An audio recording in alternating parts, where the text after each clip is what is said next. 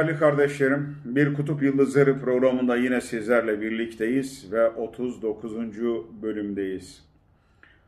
Darbe yılları 12 Eylül, evet Türkiye'ye çöken sessizlik, Türkiye'nin yalnızlığı ve hücrelerden gelen işkence sesleri, feryatlar, Anadolu'nun evet yitirilen gençliği, baharında yok olan gençlik, ve Hoca Efendi'nin yüreği her zaman olduğu gibi, her daim olduğu gibi yine yanardağlar gibi yanıyor. Ama Hoca Efendi yollarda, Hoca Efendi aranıyor. Hoca Efendi sefillerdeki Can Valcan gibi köşe bucak duraklarda, duvarlarda, billboardlarda Hoca Efendi'nin teröristlerle birlikte resimleri asılıyor ve Hoca Efendi aranıyor. O arandığı günlerin birisinde Bursa'da bir baskının ortasında kalıyor. Emniyet müdürü bunları da götürelim diyor. Yüzbaşı bunlar İstanbul'dan gelip İzmir'e gidiyorlar. Bırakın gitsinler diyor. Ama Hoca Efendi'nin bindiği arabayı da arıyorlar. Yüzbaşı arabanın ön koltuğuna oturuyor ve orada bir tomar kağıt buluyor kağıtları açıyor. Bir yazı. Merhamet başlıklı yazı. Geçen dersimizde de söylemiştik. O yıllarda sıntının baş yazıları yollarda yazılıyor. İnşaatlarda yazılıyor. Çimento torbalarına yazılıyor.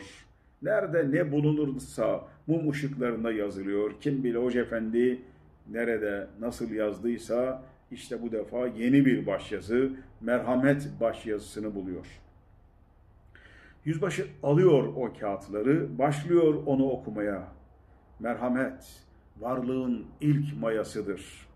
Onsuz her şey bir bulamaç ve kaostur diye başlayan bir merhamet başyazısı. Yüzbaşı sonuna kadar okuyor yazıyı ve sonra dönüyor Hoca Efendi'ye diyor ki bu yazıyı bir oturuşta mı yazdınız diyor. O merhamet yazısından yüzbaşının kalbi de merhamete geliyor ve Hoca Efendi ve arkadaşlarını bırakıyor. Hoca Efendi kim bilir kaç defa böyle polislerle, askerlerle karşılaşıyor ama bir türlü yakalanmıyor. Her tarafta aranıyor esasında. Türkiye'nin her yerinde aranıyor. Ama bir türlü yakalanmıyor. O yılların unutulmaz olaylarından birisi şu. Hoca Efendi aranıyor ama aynı zamanda da yani yavaş yavaş maya tutmuş olan artık bir hizmet vardır. O tekerlek tümseye çıkmak üzeredir. Geriye gitmemesi gerekmektedir. İşte onun için o yıllarda Anadolu'nun neredeyse bütün şehirlerini bir bir dolaşarak oradaki insanları yüreklendirmek istemektedir. Ama bazı şehirlerde kalacak evde yok.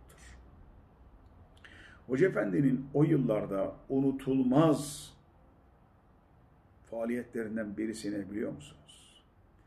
O yıllarda 82 yılında, 83 yılında kısa dönem askerlik yapan bütün öğrencilerini garnizonlara tek tek giderek orada onları ziyaret ediyor.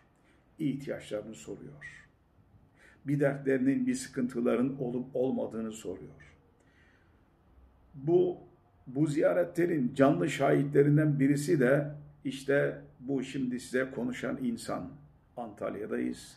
1982 yılı Topçular'da askerlik yapıyoruz. Ahmet Kara hocamızla ve birkaç kardeşimizle aynı birlikteyiz, aynı Tugay'dayız. Bir gün dediler ki Hoca Efendi geldi sizi çağırıyor. İnanın bayram ettik Hoca Efendi'yi görünce. Hoca Efendi o kadar bizlerle ilgilendi ki, o kadar hal hatırımızı sordu ki, hatta bir arkadaşımızın o askeri şapkasını aldı, başına giydi. Yani Hoca Efendi'nin bütün Anadolu'yu dolaşarak, zaten ileriki e, sohbetlerimizde de göreceğiz. Hoca Efendi'nin Burdur'da yakalanması da yine bir öğrencisini ziyaret için geldiğinde Hoca Efendi orada yakalanıyor. Ama şimdi bu akış içerisinde e, Hoca bu arandığı yıllardaki olayları, hadiseleri biraz konuşmamız lazım. İşte bu olaylardan birisi şu, o yıllarda biliyorsunuz 1980 yılı gerçekten e, yani hüzün içinde hüzünlü yıllar. Niye? Çünkü Suriye'de, Hama'da 20 bin, 30 bin Müslüman katlediliyor. Yüz binlerce insan hapislere atılıyor. Zindanlara tıkılıyor. O yıllarda okuduğumuz dergilerden, gazetelerden hala hatırlıyoruz ki Hama'daki, hapishanelerdeki o bacıların feryatları, çığlıkları satırlara dökülüp yüreklerimize düşüyordu. Her gün, her gün burada ırzımız, namusumuzdur çiğnenen. Biz buralardan sağ çıksak bile artık bir cenaze olarak gezeceğiz. Biz çocuklarımızın yüzüne nasıl bakarız? Sağsa kocamızın yüzüne nasıl bakarız? Gelin bizi bu zindanlardan kurtarın demiyoruz. Ama ne olur Allah aşkına bu zindanları bizim üzerimize yıkın da bu vicdan azabından bizi kurtarın diye sesleniyordu. Ama o gün o sese cevap verecek bir gençlik ne yazık ki yoktu. Zaten bir takım insanlarda yeni maya tutmaya çalışan bir takım hizmetler de işte darman duman edilmek için, yok edilmek için elinden gelen arkasına bırakılmıyordu.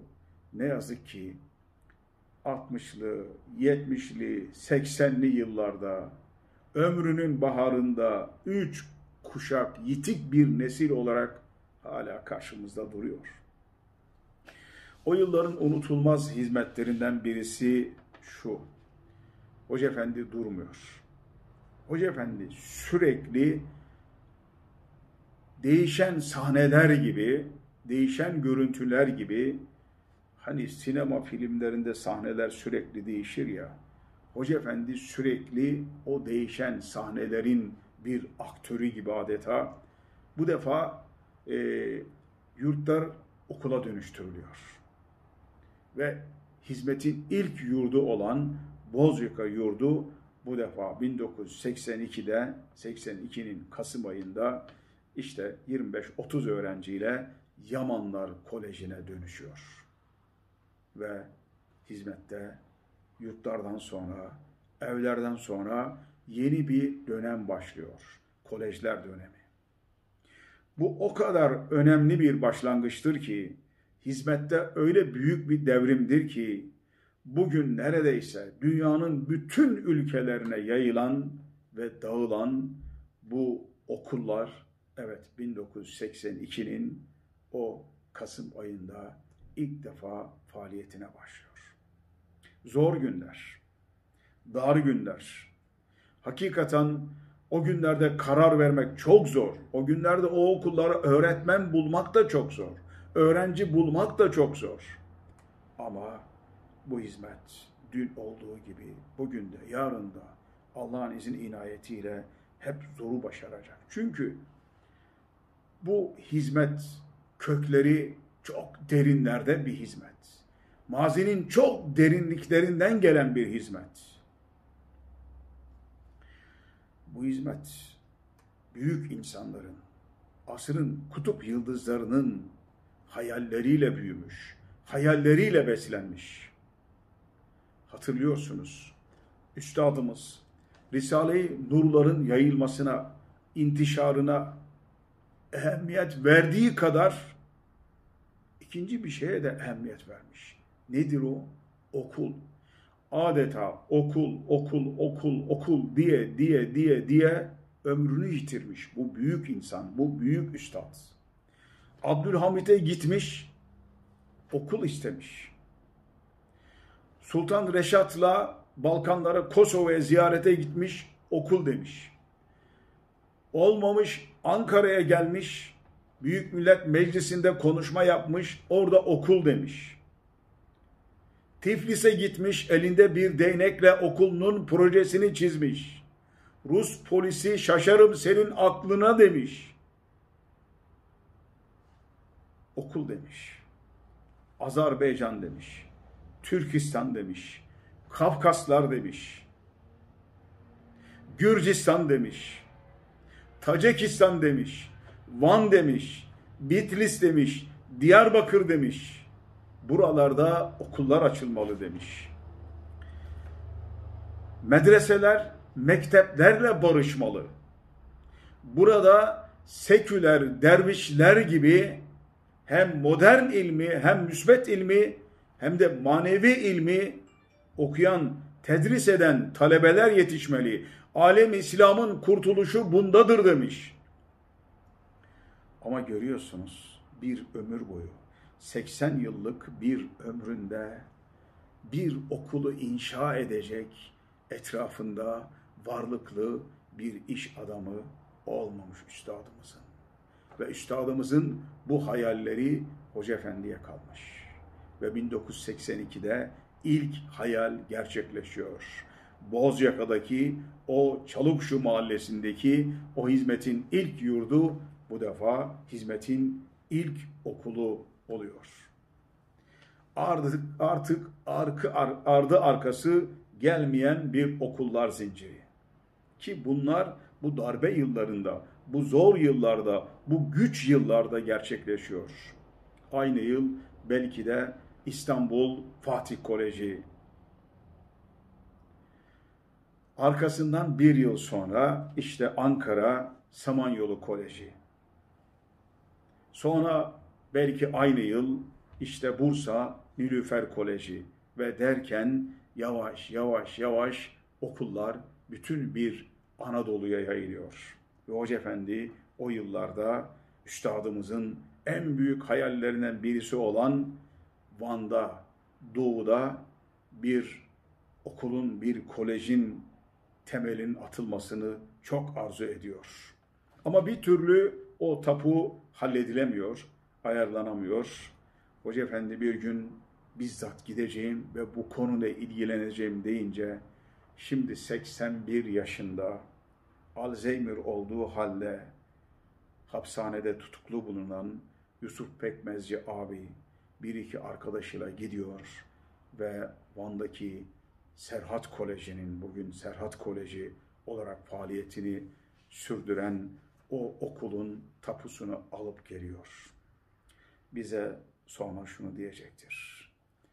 Bir sabah namazı vakti Hoca Efendi'ye gelip müjdeyi verdiğimde yüzündeki o cennet sabahları gibi gülümsemeyi, o sevinci bir görmeliydiniz. O kadar sevindi.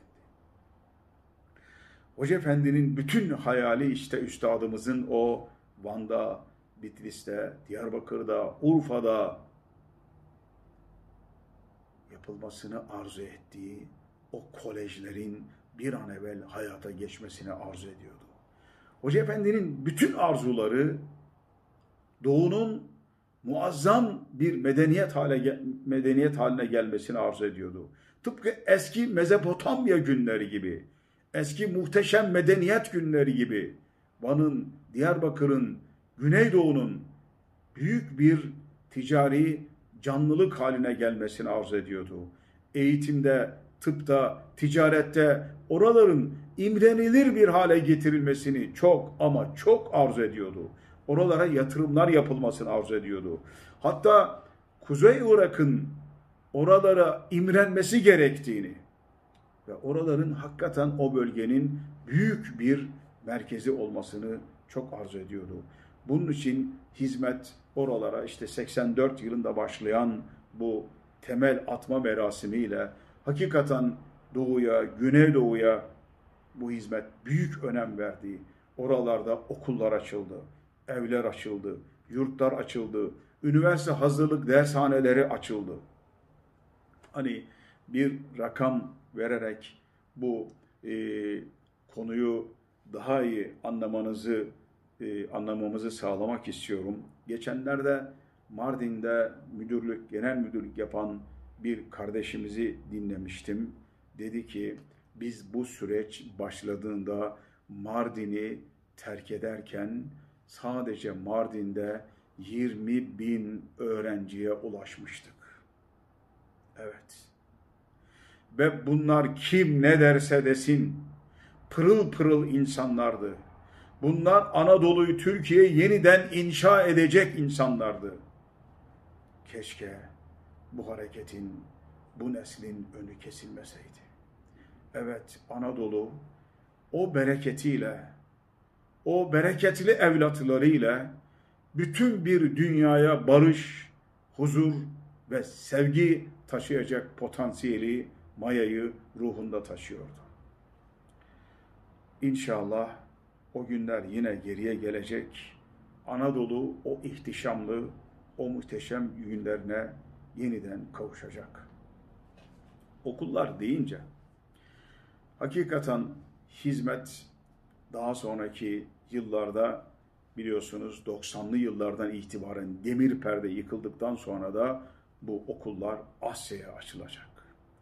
İşte burada hakikaten Hoca Efendi'nin ve üstadımızın okul hayalinin kendisinde tecelli ettiği bir insandan söz etmeden geçemeyeceğiz. O da kim?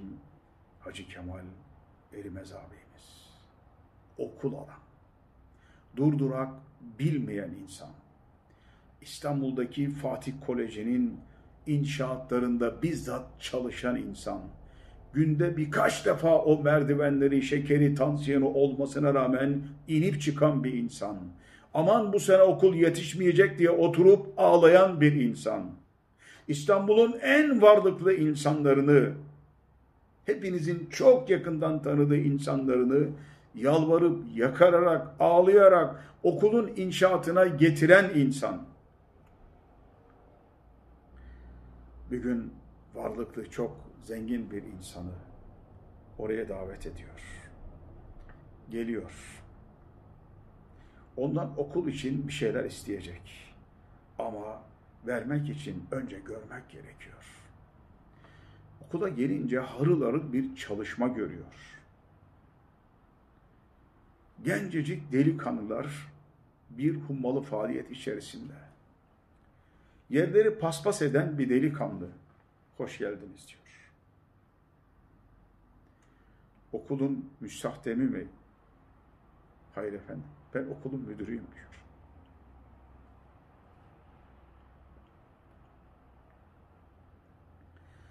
Evet, gerçekten o insanların hizmeti bir görüşte anlamalarına, bir görüşte vurulmalarına sebep olan o gencecik müdürlerin, öğretmenlerin, inanılmaz feragatları ve fedakarlıklarıydı. O insanları bir bakarsınız okulun badanasını yapıyordur. Bir bakarsınız okulun temizliğini yapıyordur. Bir bakarsınız deri tuzluyordur. Bir bakarsınız bağırsak düğümlüyordur. Bir bakarsınız bu çocuklar nasıl yetişecek? Bunların gönüllerine, kalplerine nasıl gireceğiz diye geceleri yalnız odalarında ağlıyorlardır. Evet bir nesil işte o fedakarlık bahçelerinde yetişti. Daha oradan ayrılmadan o varlıklı, o zengin iş adamı telefon ediyor müdürlerine bu okula şu kadar tahsisat çıkartın. Evet, Hacı Kemal abimizin bazen feryadına yankı bulamadığı için oturup ağladığı, bazen sevinçten ağladığı günlerdir bunlar. Ama o bir okul alandır. İşte o yıllarda ilginç olaylardan birisi de Karşıyaka Yamanlar'da bir kolej inşaatının okula dönüşmesi. Şimdi o arsanın da ilginç bir hikayesi var. Aslında Akyazılı Vakfı'na ait oralarda 7-8 dönümlük bir arazi var. Oraya okul inşaatı yapılacak. Ama arka arkaya birkaç gün, birkaç hafta bir takım mazeretler ortaya çıkıyor, engeller ortaya çıkıyor ve inşaat bir türlü başlayamıyor. Bir gün bir kadın, bir annemiz işte hizmetteki o insanları davet ediyor. Gidiyorlar. Yaşlı bir annemiz. Oğlum diyor. Siz Akyazım'ın temsilcileriymişsiniz öyle mi? Evet. Ben birkaç gün önce rüyamda Hazreti Hasan ve Hüseyin efendilerimizi gördüm. Bana dediler ki arsanı sen bir hayra bağışlamak istiyorsun ama madem vereceksin Akyazılı Vakfı'na ver dedi. Oğullarıma araştırın bakalım böyle bir vakıf var mı dedim. Onlar da sizi bana getirdiler. 33 dönümlük arsanın bu tapusudur dedi ve onlara takdim etti. Aslında bütün bu okullarla ilgili o kadar alemi manada, mana aleminde sırlar, esrarlar, yardımlar, ilahi lütuflar var ki bunlar başlı başına bir hadise, başlı başına bir olay. Bir değil, iki değil, üç değil, beş değil, o kadar çok ki. Şimdi işte Hacı Kemal abimiz önce Anadolu'daki okul zincirlerini tamamlamak için kendisini Anadolu yollarına vuruyor. Hoca Efendi'nin ve üstadımızın en büyük hayalleri olan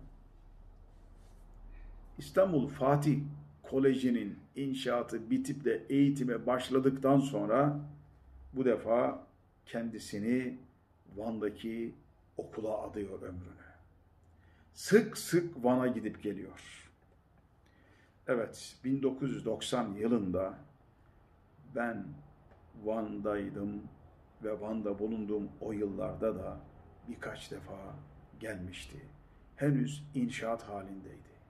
Ama 1991 yılı eğitimine o inşaat yetişti. Ve o okul açıldı. Üstadımızın yıllarca hayalini çektiği, Hoca Efendi'nin sancısını çektiği o okul hizmete açıldı. Şimdi e, okullarla ilgili belki daha sonra tekrar bir gündeme gelebilir ama fakat konu buraya gelmişken hiç unutamıyorum. Bir gün galiba 92 yılı olmalı rahmetli Turgut Özal Van'a gelmişti. İstiyoruz ki bu koleji bir görsün, okulu bir ziyaret etsin. Fakat etrafındaki korumalardan yanına yaklaşamıyoruz. Ben bir okulda öğretmenim, Bahattin Karadaş hocamız da Serhat Koleji'nin genel müdürü. Ee, korumalardan birisine dedik ki, ya bizi bir görüştürün, işte burada bir okulumuz var, geçen yıl açıldı, e, Cumhurbaşkanımızın bu okulu bir görmesini arzu ediyoruz. Dedi ki programda hiç boşluk yok, mümkün değil. Neyse dedik ki bari hiç değilse şu pusulamızı ona lütfen ulaştırın. Olur dedi. Ama bizimkisi hakikaten ümitsiz vaka. Ayrıldık oradan. Ertesi gün saat yine belli bir saatte 9 sularında biliyoruz. Hakkari'ye gidecek helikopterde. Yine biz okulun, otelin önünde, Urartu Otel'in önünde bekliyoruz. Hani ne olur arabaya bir binerken bir fırsat buluruz, bir şeyler fısıldarız, konuşuruz diye bekliyoruz. Ee, evet, Özal e, çıktı, arabaya bindi. Biz yine öyle bir e, koruma e, ordusunu yaramadık ve e, maalesef konuşamadık kendi kendimize dedik ki havaalanında helikoptere binerken belki bir fırsat buluruz. Haydi havaalanına gidelim ama gidecek araba bulamadık. Yani sağımıza baktık, solumuza baktık bir araba yok. Neyse orada birisi denk geldi kim şimdi bilmiyorum. Dedi ki bizi havaalanına götür. Süratle havaalanına doğru vardık. Orada ana yol havaalanına yaklaşınca ayrılır. Yani Edremit'e doğru, bizim okula doğru ayrılır. Bir de havaalanına yol ayrılır. Oraya varınca baktık. Yani okula doğru giden yol kapalı. Havaalanı yolu açık. Dedik ki bu yol niye kapalı? Dedi e, Özal okula gitti. E, onun için buraya araç almıyoruz. Dedik ki biz okulun sahipleriyiz. Bırakın gidelim. Biz davet ettik. Zor bela kendimize ispat ettik ve gittik. Tabii Özal bizi okulda karşıladı. Yanında Kaya Toperi de vardı. Ee, dedi ki hem davet ediyorsunuz hem yoksunuz. Okul hakkında bizlerden bilgi aldı. Bahattin hocamız bilgi verdi. Ben dedi buraya bir bilgisayar göndereyim dedi okula dedi. Sonra dedi ki bu okul kimin dedi. Biz de dedik ki bu okul Hacı Kemal Erimez'in. Ha Hacı Kemal'in okulun bu. Anladım. Şimdi anladım dedi. Şimdi anladım. Hacı Kemal gibi yanımda bir on insan olsaydı ben dünyayı fethederdim dedi. Hacı Kemal abimiz böyle bir insan, hakikaten okul adam, durdurulamaz bir adam. Onun fedakarlıkları önümüzdeki sohbetlerimizde yine gelecek. Evet, bugünlük bu kadar değerli kardeşlerim. Hoşça kalınız.